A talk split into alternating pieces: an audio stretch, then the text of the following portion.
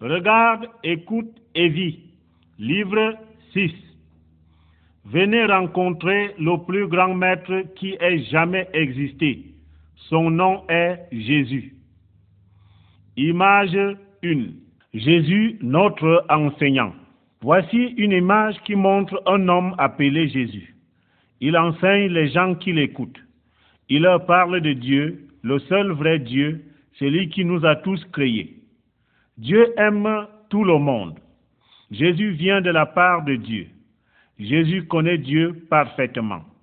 Mais les gens sont séparés de Dieu par le péché, c'est-à-dire la désobéissance à Dieu, qui se montre en mauvaise action. Jésus raconte des histoires pour montrer aux hommes comment ils peuvent connaître Dieu, s'approcher de lui et lui obéir.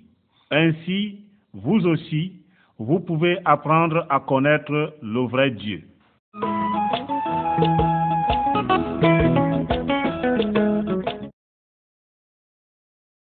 Image 2. La maison sur le roc. Jésus raconte une histoire à propos des deux maisons que vous voyez sur cette image. Une des maisons est bâtie sur le roc, elle a une fondation sûre et solide.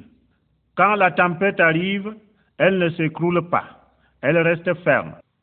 L'autre maison est bâtie sur le sable. Quand la tempête arrive, elle est certaine de s'écrouler. Regardez, vous la voyez en train d'être emportée par les grandes eaux devenues un torrent. Jésus dit que l'homme qui bâtit sa maison sur le roc est un homme sage. Nous aussi, nous devons bâtir nos vies sur une fondation sûre. La ferme fondation pour nos vies, c'est notre rocher, le Seigneur Jésus. C'est pour cela que le bon enseignement sur le vrai Dieu vivant est très important.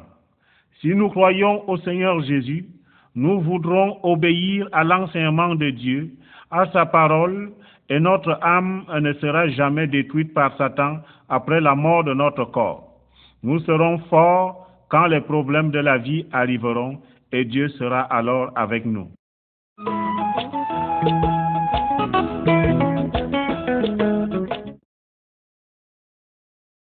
Image 3. La lumière doit être vue. Regardez. Les hommes sur cette image tiennent des lumières dans leurs mains. Un des hommes tient sa lumière bien haut, d'où elle éclaire tous ceux qui sont dans la maison. L'autre homme cache sa lumière sous un seau. On l'appelle dans la parole de Dieu un boisseau. On ne peut pas voir cette lumière. Elle n'éclaire personne. Écoutez bien. Jésus est la lumière du monde parce qu'il est le chemin qui mène à Dieu. Le Seigneur Jésus dit que nous devons nous aimer les uns les autres. Si nous aidons les autres et si nous leur parlons de Jésus, ils peuvent aussi en venir à connaître le Seigneur Jésus, le chemin qui mène à Dieu. Nous serons comme des lumières pour qu'ils puissent voir. Donc, nous ne devons pas cacher les paroles de Jésus. Ne soyons pas comme l'homme qui a caché la lumière. Aidons les autres à entendre la parole de Dieu pour qu'ils voient Jésus, la lumière du monde.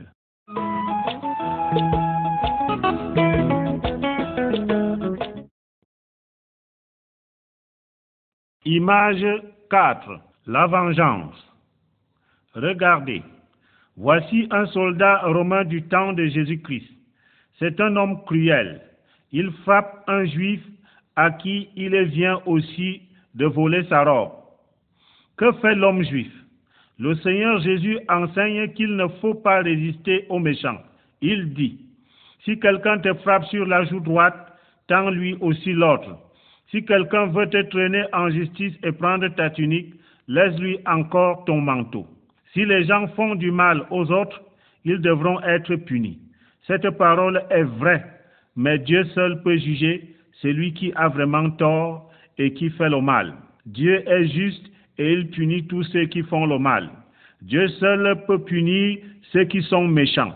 Il peut choisir de les punir pendant leur vie terrestre, mais il les punira certainement par la punition éternelle de l'enfer après leur mort physique. Si quelqu'un nous fait du mal et si nous nous vengeons, nous ne plaisons pas à Dieu parce que nous n'obéissons pas à sa parole. Nous devons faire confiance à Dieu, car il sait qui doit être puni et Dieu le fera dans sa parfaite justice.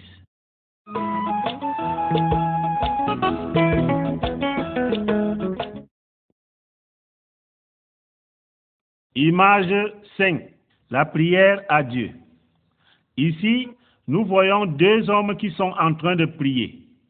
Un de ces hommes se tient debout devant la rue. Il fait une très longue prière et la répète plusieurs fois. Il veut que les gens le voient, l'entendent et l'honorent lui au lieu d'honorer Dieu. Dieu n'aime pas que les gens soient orgueilleux. Il n'écoute pas ce genre de prière et il n'y répond pas.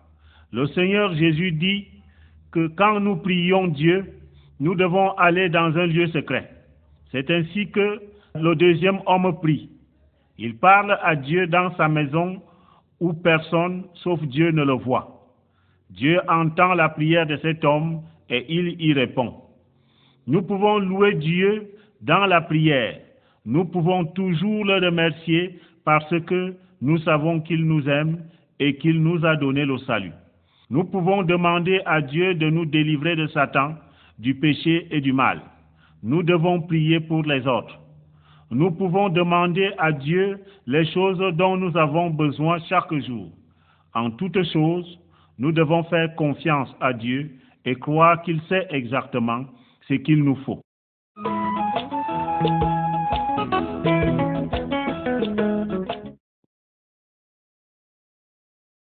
Image 6. Le mal dans le monde que Dieu a créé. Les hommes que vous voyez sur cette image sont mauvais. Ils sèment de la mauvaise herbe dans un champ de bonnes et nouvelles semences. Ils sont les ennemis du propriétaire, de celui qui possède le champ. L'homme ne peut pas arracher les mauvaises herbes. S'il essaye de le faire, il pourrait détruire la bonne semence de blé en même temps que les mauvaises herbes. Il doit donc attendre le moment de la moisson. Dieu est comme ce propriétaire. Satan a semé les pécheurs parmi les gens de ce monde. Mais au bon moment, le Seigneur Jésus reviendra. Il séparera Satan et les hommes pécheurs qui lui obéissent d'avec les hommes qui croient en Dieu, qui lui montrent qu'ils l'aiment et suivent le Seigneur Jésus, le chemin de Dieu, et en obéissant à sa parole les pécheurs seraient jetés dans le feu comme les mauvaises herbes. Pour les pécheurs, c'est le feu de l'enfer qui ne s'éteint jamais. Le Seigneur Jésus rassemblera pour lui-même ceux qui le suivent, tout comme le propriétaire garde le bon blé au moment de la moisson. Si nous appartenons au Seigneur Jésus, nous serons avec lui pour toujours.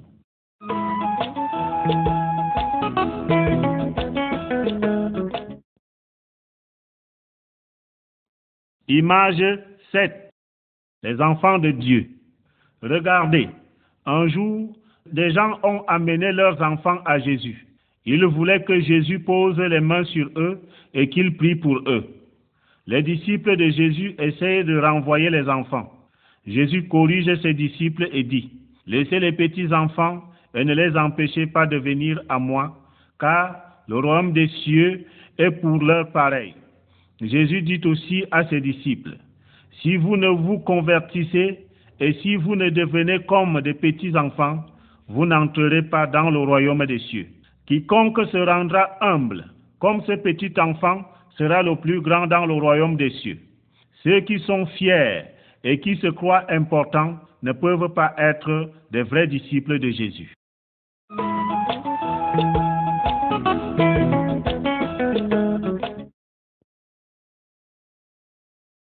Image 8. La brebis égarée.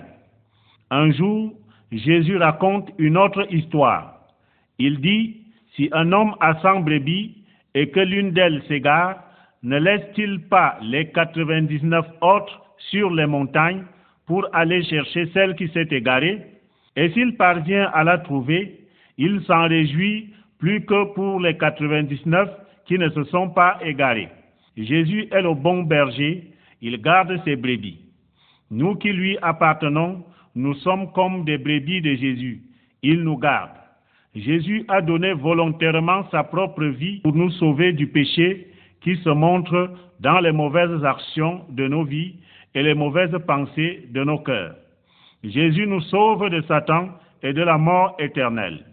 Jésus vient chercher et sauver les hommes et les femmes perdues, tout comme ce berger qui cherche son mouton, sa brebis. Il nous cherche et veut nous sauver.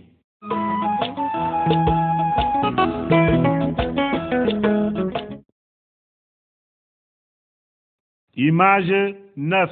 Pardonner aux autres. Écoutez bien cette histoire. Un jour, un roi découvre qu'un de ses serviteurs lui doit beaucoup d'argent, des millions de francs. Le serviteur n'avait pas de quoi lui rembourser cet argent. Alors, le roi ordonne que ce serviteur et sa famille soient vendus comme esclaves. Le serviteur supplie le roi de lui accorder davantage de temps pour rendre l'argent. Le roi a pitié de son serviteur et annule son immense dette et le laisse partir sans rien payer. Mais regardez ce qui se passe maintenant. Le serviteur sort et rencontre un homme qui lui doit une somme d'argent, sans doute quelques centaines de francs. Il essaie d'étrangler l'homme et exige que son argent lui soit rendu immédiatement. Il jette l'homme en prison jusqu'à ce qu'il paye sa dette. Les autres serviteurs sont tristes en voyant ce qui se passe et ils vont le dire au roi. Le roi se fâche très fort. Il jette le mauvais serviteur en prison jusqu'à ce qu'il paye sa grande dette. Dieu nous aime à cause de la mort de Jésus pour nos péchés. Il nous pardonne quand nous le lui demandons. Il désire nous voir pardonner à ceux qui nous ont fait du mal, comme lui, il nous a pardonné.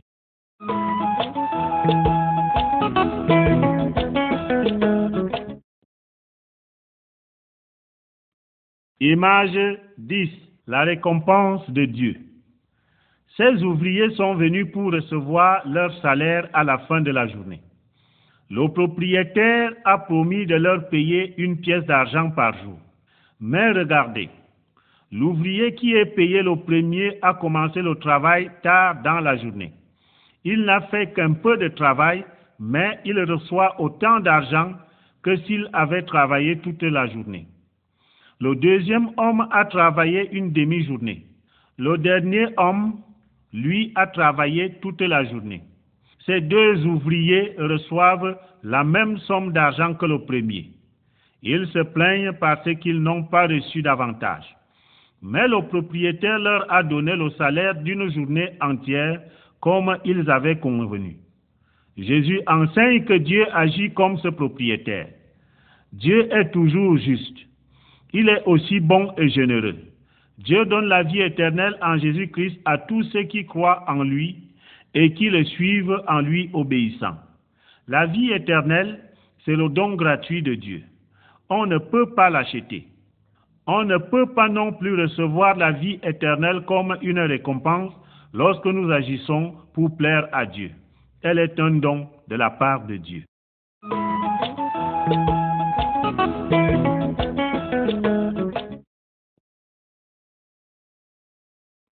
Image 11. Soyons prêts. Jésus raconte une histoire à propos de dix jeunes filles qui attendent des noces. Parmi elles, il y a cinq qui sont sages, mais les cinq que nous voyons sur cette image manquent de sagesse et d'intelligence. Tout à coup, à minuit, l'époux, c'est-à-dire le mari, arrive. Les jeunes filles sages sont prêtes pour le rencontrer. Leurs lampes sont pleines d'huile, elles peuvent les allumer et entrer dans la salle de noces avec l'époux. Les jeunes filles sans intelligence, c'est-à-dire folles, n'ont plus d'huile dans leurs lampes. Elles doivent vite aller en acheter, mais pendant qu'elles sont loin, on ferme la porte de la salle de noces à clé. À leur retour, les jeunes filles folles trouvent la porte fermée. Elles commencent à crier, Seigneur, ouvre-nous, Seigneur, ouvre-nous. Mais l'époux répond, Je ne vous connais pas. Maintenant, Jésus est au ciel, mais un jour, il va revenir pour nous chercher et nous prendre avec lui. Ceux qui sont prêts, comme les sages de l'histoire, iront au ciel avec lui pour toujours. Les autres, comme les folles, seront séparés de lui pour toujours. Soyons donc prêts pour son retour. Nous ne savons ni le jour ni l'heure de son retour.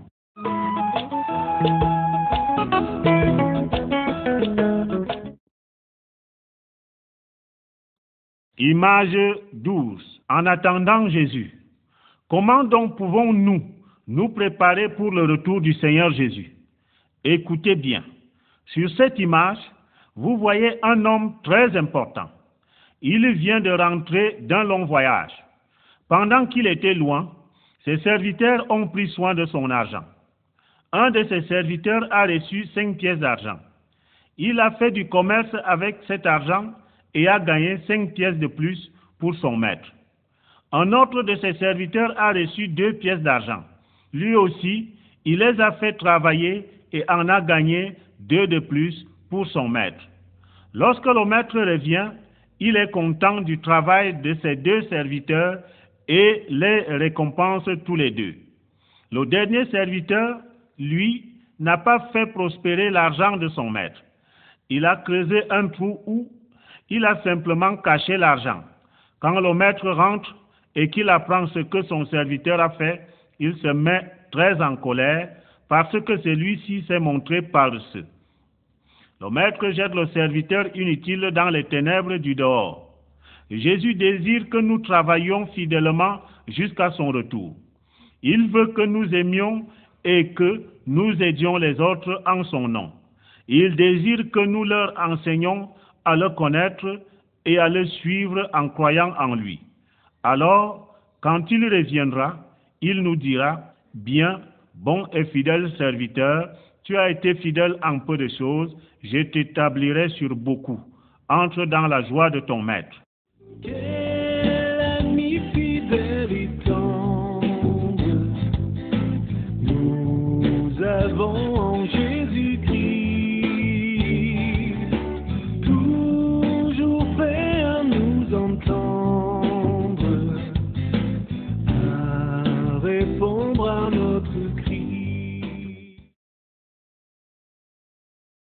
Image 13. Jésus est baptisé. Sur cette image, nous voyons le Seigneur Jésus avant qu'il ne commence à enseigner les gens. L'homme qui est avec lui dans la rivière s'appelle Jean. Il savait qu'un jour, Dieu allait envoyer Jésus.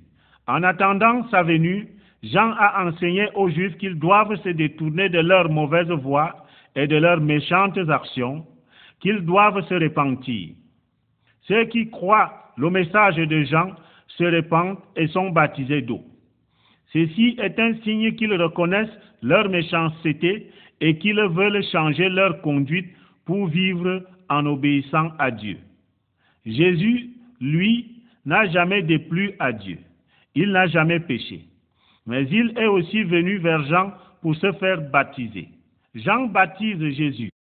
Celui-ci sort de l'eau et une chose étonnante arrive. Les cieux s'ouvrent et le Saint-Esprit de Dieu descend sur Jésus comme une colombe. Une voix se fait entendre des cieux, la voix de Dieu qui dit, Tu es mon Fils bien-aimé, objet de mon affection. Ces paroles affirment que Jésus est envoyé par Dieu et qu'il vient de lui. Après son baptême, Jésus fait beaucoup de miracles. Ainsi, il continue à montrer aux gens que Dieu l'a envoyé pour les sauver.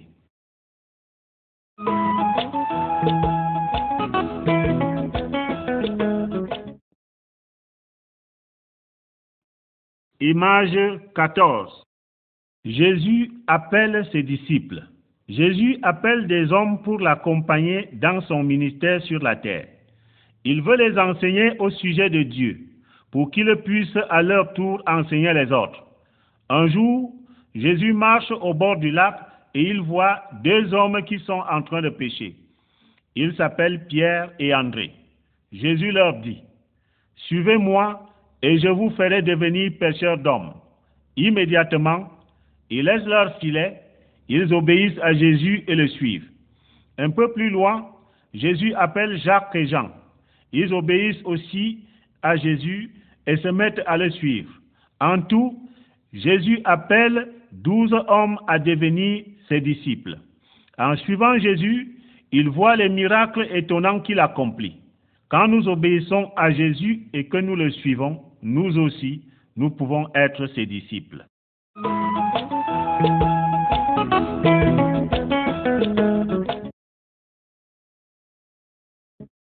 Image 15.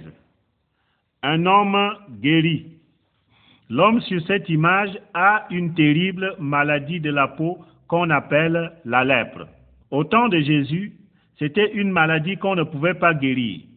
L'homme vient à Jésus, il se met à genoux devant lui et lui dit d'un ton suppliant, Si tu le veux, tu peux me rendre pur. Les autres gens ne veulent pas s'approcher du lépreux parce qu'ils peuvent attraper sa maladie. Mais Jésus est ému de compassion pour cet homme. Il étend la main vers lui et il le touche. Jésus répond au lépreux, Je le veux, sois pur. Aussitôt la lèpre disparaît et l'homme est guéri de sa maladie inguérissable. L'homme est si heureux qu'il se met à raconter la nouvelle de sa guérison à tout le monde. Le péché est comme la maladie de la lèpre, mais c'est une maladie de l'esprit. Le péché nous sépare de Dieu et des gens, comme la lèpre séparait cet homme des autres. Mais si nous venons à Jésus, il peut nous rendre purs de tout péché et nous réconcilier avec Dieu.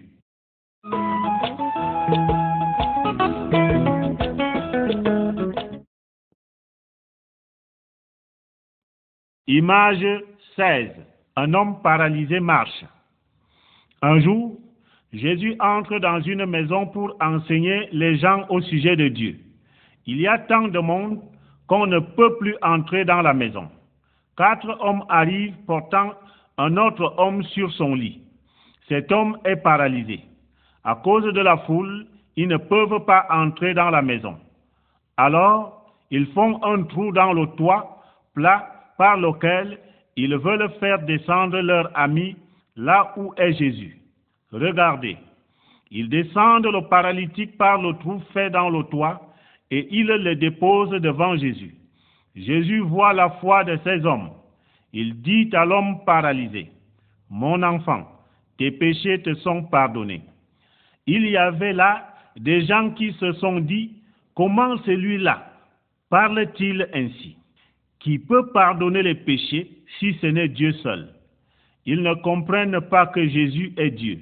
Jésus sait ce que pensent ces gens. Pour leur montrer qu'il a le pouvoir de pardonner les péchés, Jésus dit au paralytique, Je te l'ordonne, lève-toi, prends ton lit et va dans ta maison. L'homme obéit à Jésus, il se lève, prend son lit et retourne chez lui en marchant de lui-même. Il est tout à fait guéri. C'est vraiment merveilleux d'être guéri de sa maladie, mais ce qui est encore mieux, c'est d'être guéri du péché, d'avoir ses péchés pardonnés. C'est ce que Jésus a fait pour cet homme et il pardonne aussi nos péchés quand nous le lui demandons. Ainsi, il nous donne la vie éternelle.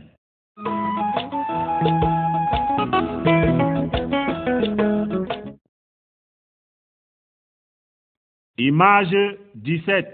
Une main paralysée et des cœurs endurcis. Voici Jésus qui est venu à la maison de Dieu. Les chefs religieux y sont aussi. C'est le jour du sabbat, jour où les Juifs adorent Dieu. Ce jour-là, ils ne font aucun travail pour honorer et adorer Dieu. Il y a là aussi un homme qui a une main paralysée. Les Juifs observent Jésus parce qu'ils veulent savoir si Jésus va guérir l'homme malade ce jour-là. Ils veulent pouvoir l'accuser de travailler et de ne pas obéir à la loi de Dieu. Alors Jésus demande, est-il permis le jour du sabbat de faire du bien ou du mal, de sauver une personne ou de la tuer Jésus dit encore à l'homme qui a la main paralysée, étends ta main. L'homme obéit à Jésus et sa main est guérie, elle devient saine. Nous aussi, nous adorons Dieu ensemble le dimanche, Mais ce jour que Jésus dit ici, c'est que nous montrons que nous aimons Dieu en aimant les autres et en leur faisant du bien quand ils en ont besoin.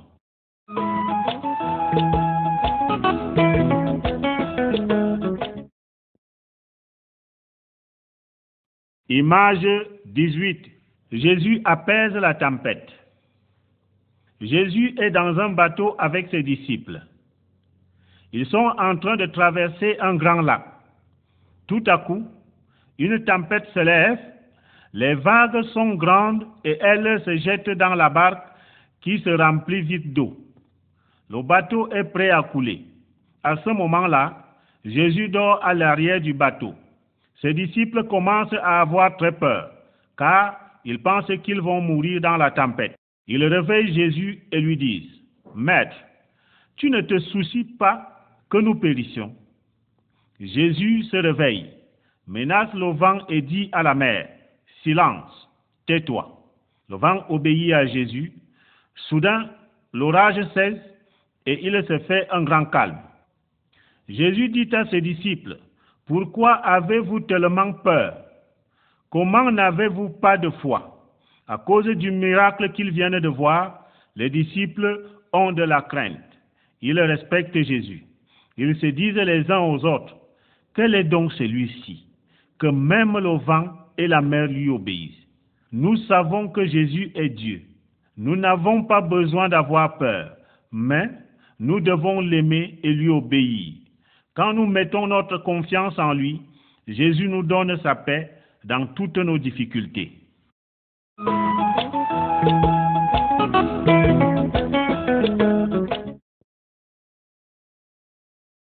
Image 19. Une femme guérie.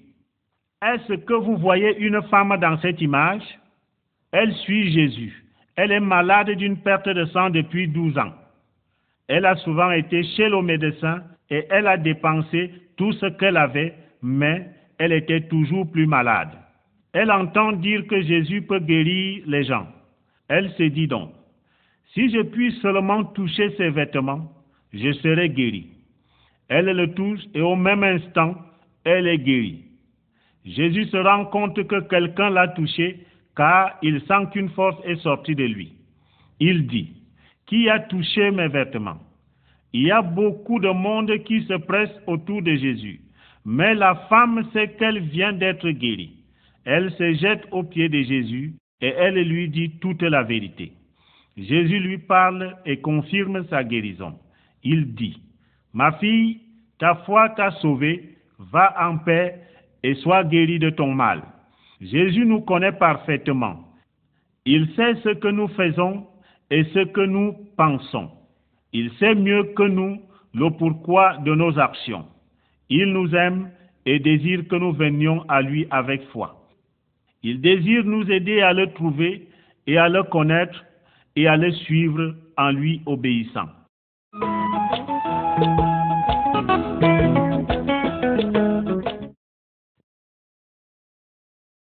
Image 20. Un enfant revient à la vie. Jésus est en chemin pour se rendre chez un chef de la synagogue appelé Jairus. C'est un homme très important. Sa fille est malade et il demande à Jésus de venir la guérir. Avant que Jésus n'arrive à la maison, l'enfant meurt et les gens viennent le dire à Jairus et à Jésus. Alors qu'ils sont encore en chemin, Jésus dit au chef de la synagogue, Sois sans crainte, crois seulement. En arrivant à la maison, ils entendent les gens qui pleurent et qui poussent des grands cris. Jésus ne permet qu'à Jairus, sa femme et trois de ses disciples de l'accompagner dans la chambre où se trouve la jeune morte. Là, il la prend par la main et lui ordonne, Jeune fille, lève-toi, je te le dis. Elle se lève aussitôt, se met à marcher, et Jésus dit de lui donner quelque chose à manger. Jésus a tout pouvoir sur la mort. Ceux qui croient en lui et qui le suivent en lui obéissant n'ont pas à craindre la mort. Ils ont la vie éternelle.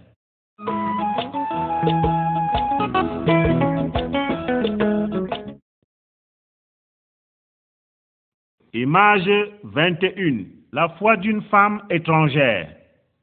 Un jour, une femme étrangère vient à Jésus. Elle a une fille qui est possédée d'un esprit mauvais. Cette maman a entendu parler de Jésus et elle vient à ses pieds. Elle lui demande de chasser le démon impur de sa fille. Jésus lui dit qu'il est premièrement venu pour aider le peuple juif. Il dit que les juifs sont comme les enfants de la maison et qu'il faut donner à manger aux enfants avant de donner à manger aux chiens, c'est-à-dire aux étrangers. Bien que la femme soit étrangère, Jésus va aussi l'aider. En effet, la femme ne se décourage pas. Elle dit à Jésus, les petits chiens sous la table mangent les miettes des enfants.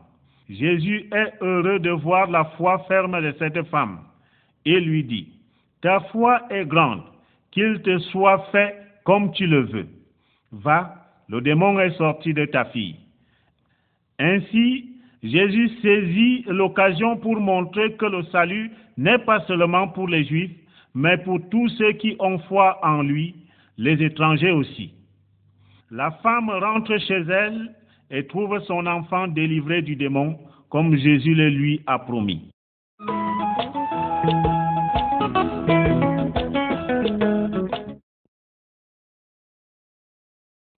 Image 22. Un homme sourd et muet entend et parle. Des gens ont amené l'homme qui est avec Jésus.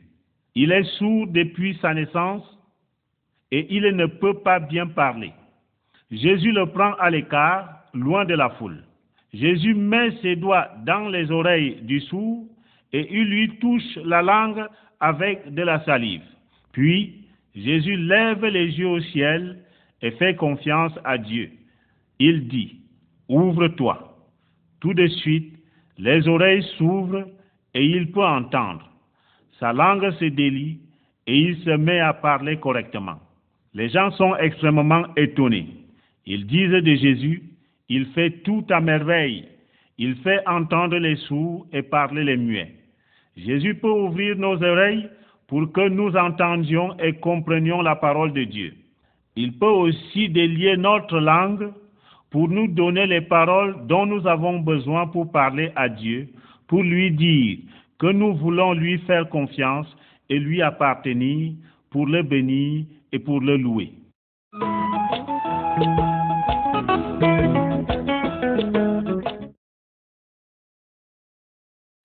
Image 23. Jésus donne la vue à un aveugle. L'homme qui est avec Jésus sur cette image est aveugle. Jésus l'a pris par la main et l'a conduit hors du village. Là, il a mis de la salive sur les yeux de l'aveugle. Jésus lui a imposé les mains et lui a demandé, Vois-tu quelque chose? L'homme ouvre les yeux, mais il ne voit pas très clairement. Il dit, Je vois des hommes, mais comme des arbres, et ils marchent. Jésus pose de nouveau ses mains sur les yeux de l'homme. L'aveugle regarde fixement. Il est rétabli. Il voit tout clairement et distinctement. Il est certainement très heureux. Mais ce qui est le plus merveilleux pour lui, c'est sans doute de voir Jésus. Satan essaie de nous rendre aveugles spirituellement. Il ne veut pas que nous connaissions Jésus. Il ne veut pas que nous comprenions ces paroles qui nous montrent le chemin du salut. Mais Jésus peut nous les faire comprendre clairement pour que nous croyions en lui, que nous soyons convertis et qu'il nous guérisse de notre péché.